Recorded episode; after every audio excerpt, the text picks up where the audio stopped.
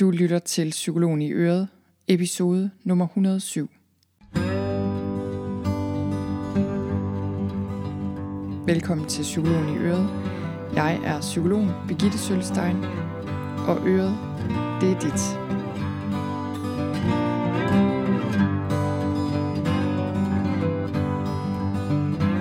Velkommen til. I dag skal det handle om digital sundhed, og det du får i dag, det er 10 bud for digital sundhed for voksne. Og dem har jeg lavet, fordi digitale medier, sociale medier, alt det her, der fylder rigtig meget i vores liv i dag, de er jo fantastiske, brugbare på mange måder, men de kan også have meget skadelige effekter. Og derfor er der mange, der er begyndt at tale om digital sundhed, digital trivsel. Vi snakker om digital stress og digital støj. Og det er faktisk rigtig vigtigt, at vi har nogle retningslinjer, vi øh, kan bruge. Der er rigtig stærke kræfter på spil. Både udefra kommende interesser, men der er også psykologiske mekanismer på spil, som er meget, meget kraftfulde, og som vi bliver nødt til at blive opmærksomme på.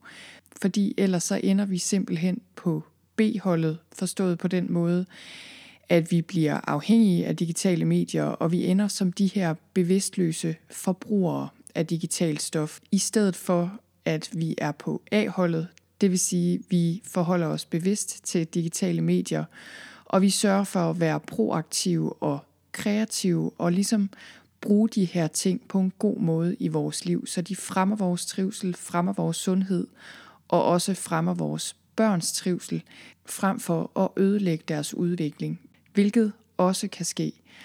Og jeg kan høre mig selv udefra lige nu, og jeg er sikker på, at der sidder nogen derude, der tænker, at jeg maler fanden på væggen ved at sige det her, at det lige frem kan ødelægge vores børns udvikling, og øh, at vi kan ende på det digitale B-hold, men jeg mener det faktisk seriøst. Og det er ikke noget, jeg bare synes, selvom det synes jeg, men det er ikke bare en holdning, jeg har efterhånden så ved vi så meget om det her. Der er udgivet så meget forskning på det her område. Der er skrevet rigtig gode bøger, som jeg kun kan anbefale, man kigger på og fordyber sig i. Som efterhånden gør det meget klart, at det her det er et super, super vigtigt emne at være bevidst om. Og grunden til, at jeg har lavet de her 10 bud for voksne, det er, at øh, jeg tænker, at det er os voksne, der har ansvaret. Fordi digital sundhed er jo i høj grad noget, der angår vores børn og vores unge. Der er rigtig meget, der tyder på, at øh, de lider under et for stort forbrug og forkert brug af sociale medier, digitale medier i det hele taget. Men når alt kommer til alt, så er det noget, vi voksne skal være gode eksempler omkring. Og derfor så giver jeg altså her 10 digitale bud til voksne omkring digital sundhed. Inden jeg kommer til de her 10 bud, så øh, vil jeg sige en lille smule om digital sundhed, sådan overordnet set. Jeg kommer ikke ind på al mulig forskning her, fordi det kan man bruge lang tid på at fordybe sig i.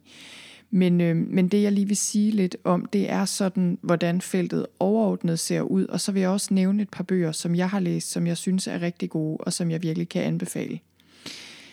For nogle år siden, for måske 5-10 år siden, der var det her øh, med digital sundhed og de her bekymringer omkring, hvordan digitale medier påvirker os, det var noget, øh, tror jeg, der tit blev gjort til en holdningssag. Altså det var sådan noget med, om man var for eller imod computerspil, om man var for eller imod brugen af sociale medier og andre ting. Og jeg tror, og jeg og debatten var sådan lidt præget af, at hvis ikke der var et studie, der kunne redegøre for præcis, hvilken negativ effekt et specielt spil for eksempel havde, eller et, social, eller et særligt socialt medie, øh, så var der nogen, der synes, at så var det bare en overdrivelse, og så var det bare en heksejagt på mennesker, der godt kunne lide at spille computerspil osv.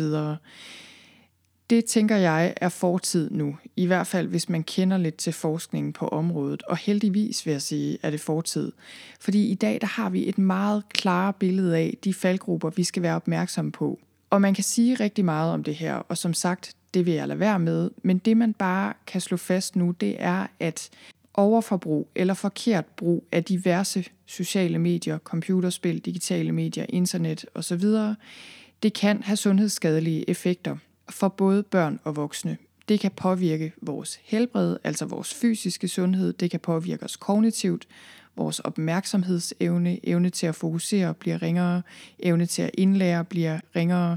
Det påvirker vores sociale evner. Det påvirker os følelsesmæssigt. Altså, det har en effekt på os, hvis vi bruger digitale medier for meget eller forkert. Og det er der jo mange, mange grunde til. Men jeg vil sige, at det, der egentlig er det vigtigste her, det er jo bare at kigge på det med sund fornuft. Det siger jo sig selv, at hvis vi bruger for lang tid foran en skærm, eller hele tiden har halvdelen af vores opmærksomhed på vores smartphone, så forsvinder fokus fra de ting, der er meget, meget vigtige for vores sundhed og trivsel, som i bund og grund er at være til stede her og nu, og være til stede i vores relationer, altså se folk i øjnene. Det ødelægger vores produktivitet og effektivitet, det ødelægger vores kreativitet, det stjæler vores mentale pauser, det stjæler den tid, vi ellers kunne bruge til bevægelse og til at få frisk luft og gøre nogle af de ting, der bare er så grundlæggende for vores trivsel. Så øh, et er den skadelige effekt, det nogle gange kan have at spille spil, kigge på nyheder hele tiden, være på sociale medier osv. Men jeg tror, det mest grundlæggende er simpelthen det, vi ikke gør, når vi bruger for meget tid foran en skærm. Der er bare kommet rigtig mange gode bøger på det her område. Nogle af dem, jeg har læst, som jeg synes er rigtig gode, og som jeg også synes egner sig til alle, der har interesse for det her område, det er en, der hedder Teknologiens testpiloter af Camilla Melsen, der handler om, hvordan det her påvirker børn og unge, og især deres indlæring. Så har Camilla Melsen og en, der hedder Vincent Hendricks, også skrevet en bog, der hedder Hvordan bliver vi digitalt dannet, som også er rigtig god. Så er der Offline af Imran Rashid og Søren Kender, og jeg har tidligere interviewet Imran til podcasten her, hvor vi talte om, om den her bog og om digital sundhed. Så er der en bog, der hedder The Shallows af Niklas Carr, som øh, jeg læste for en hel del år siden nu. Det var nok den første bog, jeg læste om, hvordan internettet påvirker hjernen, og i det hele taget, hvordan den her digitale udvikling påvirker os. Og det var nok den bog, der i virkeligheden gav mig lidt et wake-up call i forhold til det her, og gjorde, at jeg begyndte at interessere mig meget for det, og gjorde, at jeg har læst meget om det sidenhen, og også nu kan se, at digitale medier er, virkelig er noget, der påvirker os dybt, og også er en af de vigtige årsager til det stressniveau og den dårlige trivsel, vi ser nu i samfundet. En anden bog er The Distracted Mind af en, der hedder Adam Gazzale og Adam Rosen, og det er en bog, der handler sådan lidt mere om neurovidenskab og hvordan hjernen bliver påvirket af brugen af digitale medier. Og så er der en bog, jeg også synes er rigtig god, der hedder Deep Work af Cal Newport. Den er muligvis også oversat til dansk, det ved jeg ikke rigtigt, men i hvert fald så, øh, så handler den her bog om, hvordan vi arbejder fokuseret. Ikke bare hvordan vi koncentrerer os i løbet af dagen, så vi ikke spiller tiden, men sådan på et lidt dybere plan, at hvis vi gerne vil tænke dybt og udrette noget, skrive bøger, udvikle idéer og virkelig bruge os selv bedst muligt, hvor vigtigt det er, at vi ikke hele tiden lader os aflede af ting, der ikke er vigtige, som for eksempel nyheder på internettet, sociale medier og alt det her, der ellers rammer os hele tiden og stjæler vores opmærksomhed. Så det her, det var bare et par eksempler på bøger, man kan dykke ned i, hvis man gerne vil vide mere om det her. Og så får jeg også lyst til at sige, inden jeg kommer til de her 10 bud, at det her med at ændre digitale vaner, det er faktisk nemmere sagt end gjort. Man kan tænke, at det her er harmløst, eller når ja, jeg skal jo også lige lade være med at tjekke Facebook, eller måske lade være med at tjekke min mail så ofte. Øhm, men det her, det er faktisk noget, der kan være rigtig, rigtig svært at ændre. Og det er der mange grunde til. Der er for det første nogle interesser på spil her, som jeg lige har nævnt. Der er simpelthen firmaer, der er meget pengestærke, som har en økonomisk interesse i, at du bruger din tid og opmærksomhed på forskellige digitale platforme. Det er steder som Netflix, Facebook osv. Og igen, det kan lyde sådan lidt konspiratorisk det her, men faktum er bare, at der er nogle interesser på spil, som ikke har ret meget med din trivsel at gøre, men mest har noget med penge at gøre. Noget andet er, at tilgængeligheden er endeløs. Det kan være rigtig svært at styre det her, fordi der er skærme overalt. Vi har vores smartphone i lommen eller i tasken, og, øhm, og det er meget nemt at få tilgang til det her. Og man kan sige, de her universer, hvad det så end er spil, eller nyheder, eller sociale medier, eller hvad det er, de er meget tillokkende, og de er meget stimulerende. Meget tit er de jo meget mere spændende og stimulerende, end virkeligheden er. Og det er en af de ting, der kan gøre det så svært at stoppe det eller styre det. Noget andet, der også gør det svært, er jo, at vi kan ikke bare droppe digitale medier helt. Det tænker jeg i hvert fald er de færreste mennesker, der kan det, fordi vi har stadig brug for at bruge vores e-mail. Vi har også brug for at tjekke visse ting på internettet, tænker jeg.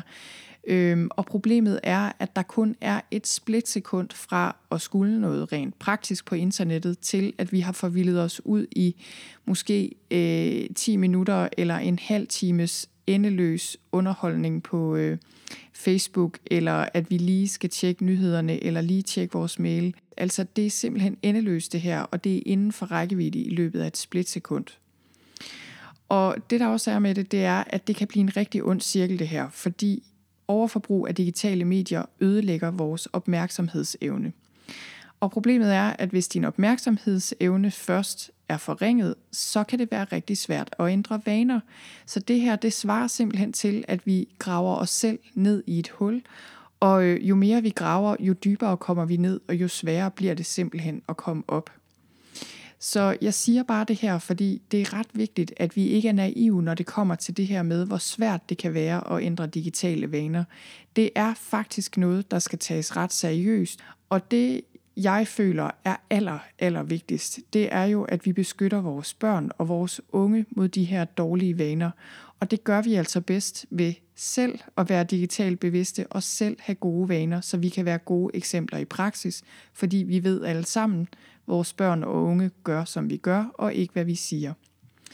Så derfor så vil jeg opfordre dig, og jeg taler altså også til mig selv her, vil jeg lige have lov at sige, men jeg vil anbefale dig at lytte til de her 10 bud for voksne, de her 10 ting, der vil give dig digital sundhed, og som automatisk også vil betyde, at dine børn, hvis du altså har sådan nogen, får et sundere digitalt liv. Og de 10 bud, de kommer her. Nummer 1 er, begynd at slutte din dag offline. Det her, det betyder, at du skal have et almindeligt vækkeur, og du skal have din mobil ud af soveværelset. Din morgen former resten af din dag, så det er meget, meget vigtigt, du er nærværende i starten af din dag.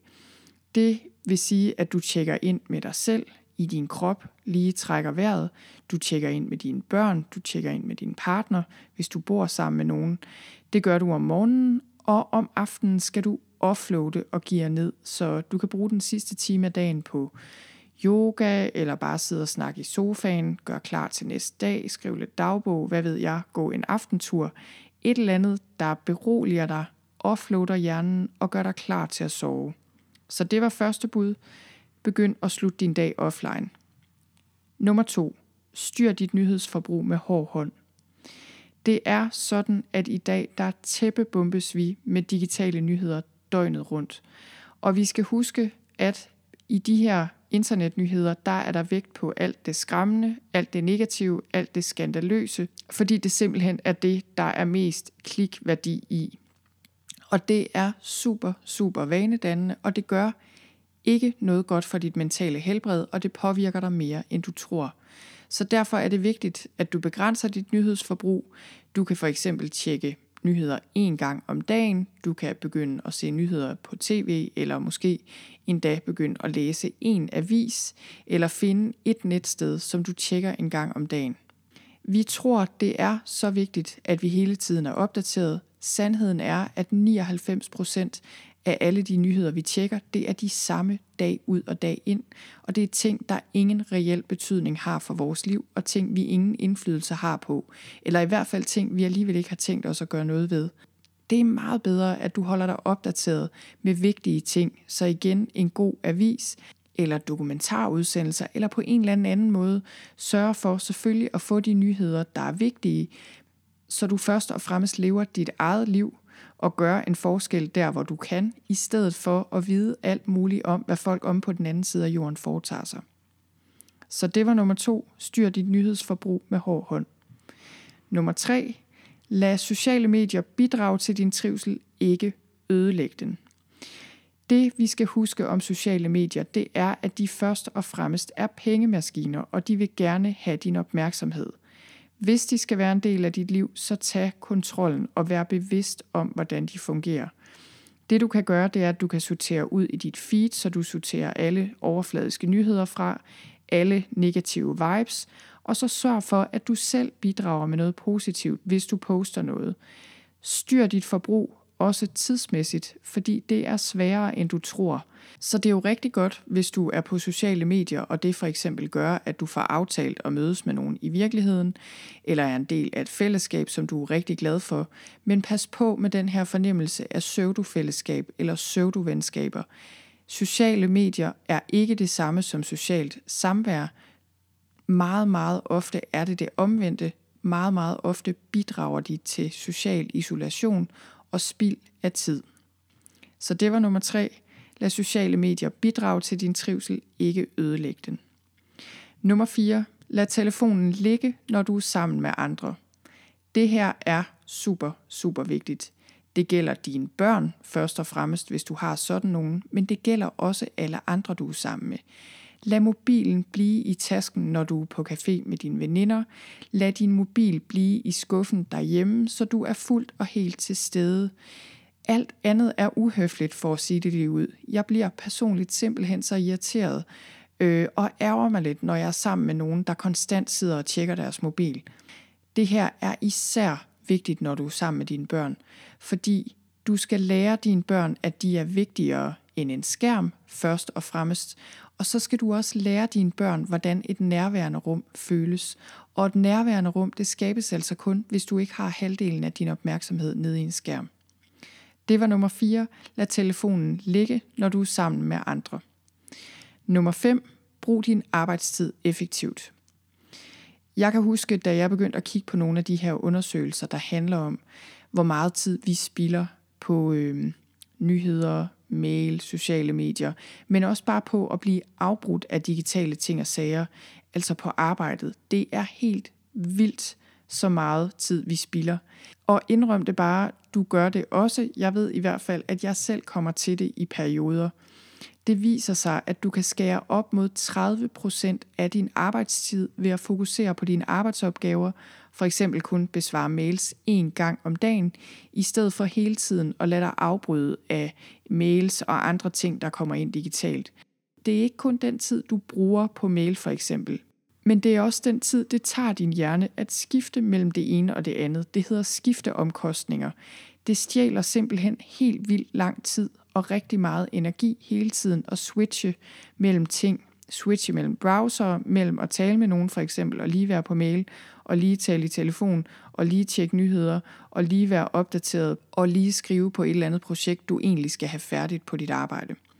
Det her er noget, jeg virkelig har opdaget, jeg kan spare meget tid på ved at fokusere effektivt på, når jeg for eksempel skal skrive noget. Det er helt vildt så meget, jeg kan nå, når jeg lægger min telefon væk. Så det var nummer 5. Brug din arbejdstid effektivt. Nummer 6. Brug apps, der øger din digitale sundhed. Så prøv lige at tage et kig på din smartphone Opstil dig selv det her spørgsmål. De apps, du har, bidrager de til et godt liv, eller stjæler de din tid? Og det du skal gøre, det er selvfølgelig at slette dem, du kan se, der ikke bidrager med noget godt, og så skal du beholde dem, der gør noget godt for dig. Så gode apps kan for eksempel være meditationsapps, det kan være din yoga-app, jeg har selv en yoga-app, jeg elsker. Det kan være din app med lydbøger, jeg elsker min Audible-app, kan jeg afsløre. Det kan være forskellige kreative apps, det kan være taknemmelighedsapps, det kan være din musik-app for eksempel. Og øh, så kan det jo også være apps, der begrænser din skærmtid og simpelthen øger dit fokus og på den måde forbedrer dit liv. Så nummer 6 det er brug apps, der øger din digitale sundhed. Nummer 7 er gå analog, hvor du kan. Så det her handler om at få så meget sanslighed og få så meget liv ind i dit liv faktisk. Det giver dig livskvalitet, når du bruger dine sanser, og når du er så meget til stede i den virkelige verden, som du overhovedet kan. Så derfor er det vigtigt, at du tænker i analoge løsninger der, hvor du kan.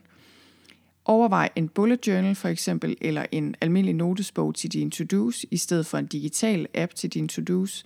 Jeg er gået over til et analogt to-do-system her for et års tid siden, og jeg er simpelthen så glad for det. Du kan også bruge et timeglas, når du skal time noget. Jeg er meget, meget glad for mine timeglas. Jeg ønsker mig nogle flere. Lige nu har jeg et kvarter og et halvtimes timeglas, men jeg ønsker mig nogle flere.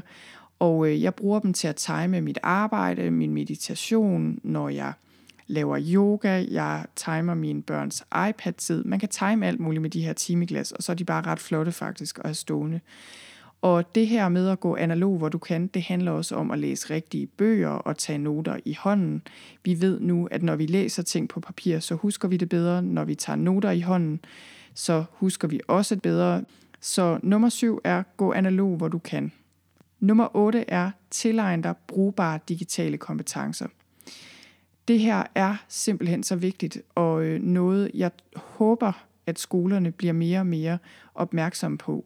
I den bog, der hedder Teknologiens testpiloter, som jeg nævnte lige før, der er der nogle undersøgelser, der viser, at selvom vores børn her i Danmark er blandt de mest digitaliserede i verden, så er de ikke specielt digitalt kompetente, når det kommer til ting, de rent faktisk kan bruge til noget.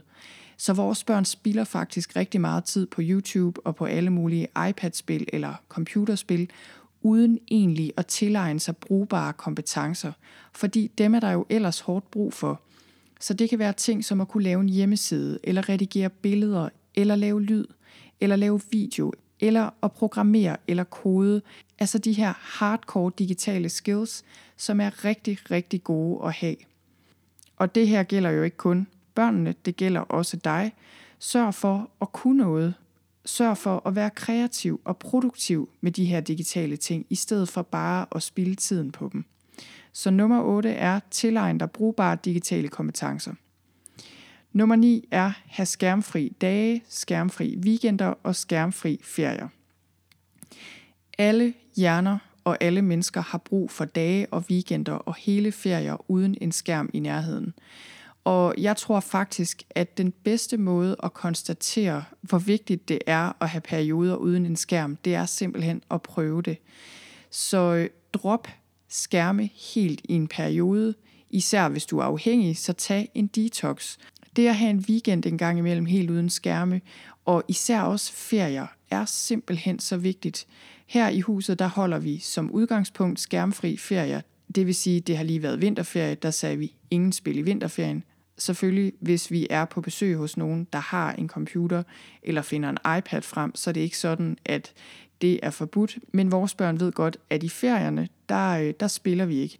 Og jeg kan også mærke på min hjerne, fordi jeg faktisk arbejder en del foran en computer til daglig, at jeg i høj grad også har brug for dage og uger en gang imellem, hvor jeg ikke kigger ret meget på en skærm.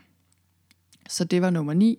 Ha' skærmfri dage, weekender og ferier. Og så den sidste, nummer 10. Lær dine børn om digital sundhed. Det, man måske ikke tænker så meget over, det er, at evnen til fokuseret opmærksomhed og evnen til vedholdenhed, også når vi snakker kedelige opgaver, det er faktisk noget, der skal læres. Og problemet er, at mange digitale medier og spil lærer vores børn det stik modsatte. Derfor er det vores forpligtelse og vores ansvar som voksne at lære vores børn om digital sundhed, så de kan trives både som børn og selvfølgelig også senere som voksne.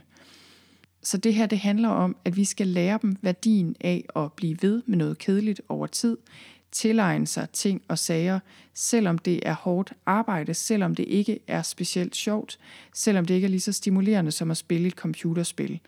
Og øh, igen, som ved al anden opdragelse, så er eksemplets magt det eneste, der virker, og øh, for at sige det lige ud, så er det simpelthen ikke godt nok, hvis vi bare overlader vores børns læring og deres digitale sundhed til, hvad andre gør i klassen, eller hvad de selv synes. Jo mere du selv ved om digital sundhed, jo mere er du også motiveret til rent faktisk at praktisere det.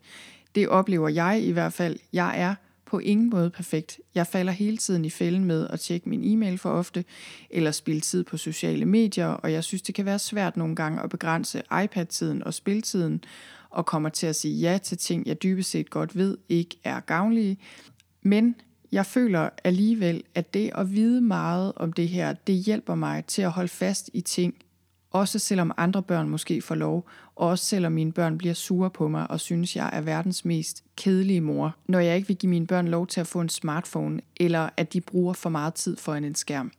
Min ældste er 10, og jeg synes efterhånden godt, han kan forstå, når jeg forklarer ham, hvorfor jeg ikke vil have, at han bruger for meget tid foran en skærm. Altså det her med, at det er vigtigt, at man bevæger sig, det er vigtigt, at man leger, det er vigtigt, at man laver lektier, alle de her ting. Det synes jeg faktisk efterhånden godt, han kan forstå, når jeg forklarer ham, at det her, det er ikke bare fordi det er noget, jeg synes, det er simpelthen for at passe på hans hjerne og sørge for, at han får sig bevæget nok. Så jo mere du selv ved om digital sundhed, jo bedre kan du også formidle det til dine børn. Så det var altså den sidste, nummer 10. Lær dine børn om digital sundhed. Og det var alt, hvad jeg havde for nu. Det var de 10 bud. Hvis du gerne vil se de her 10 bud på skrift, så kan du gå ind på min hjemmeside på sølvstein.dk-digital sundhed og der finder du dem. Og øh, der har jeg også linket til nogle andre blogindlæg, jeg har skrevet om lignende emner. Blandt andet lavede jeg et på et tidspunkt, som var 10 idéer til skærmfri ferieaktiviteter, der stimulerer sanserne, skærper opmærksomhedsevnen og skaber kontakt. Der er også et link til et blogindlæg om gode gratis meditationsapps og et link til det her interview, jeg har lavet med Imran Rashid. Og så vil jeg ellers bare sige tusind tak, fordi du lyttede med. Vi høres ved.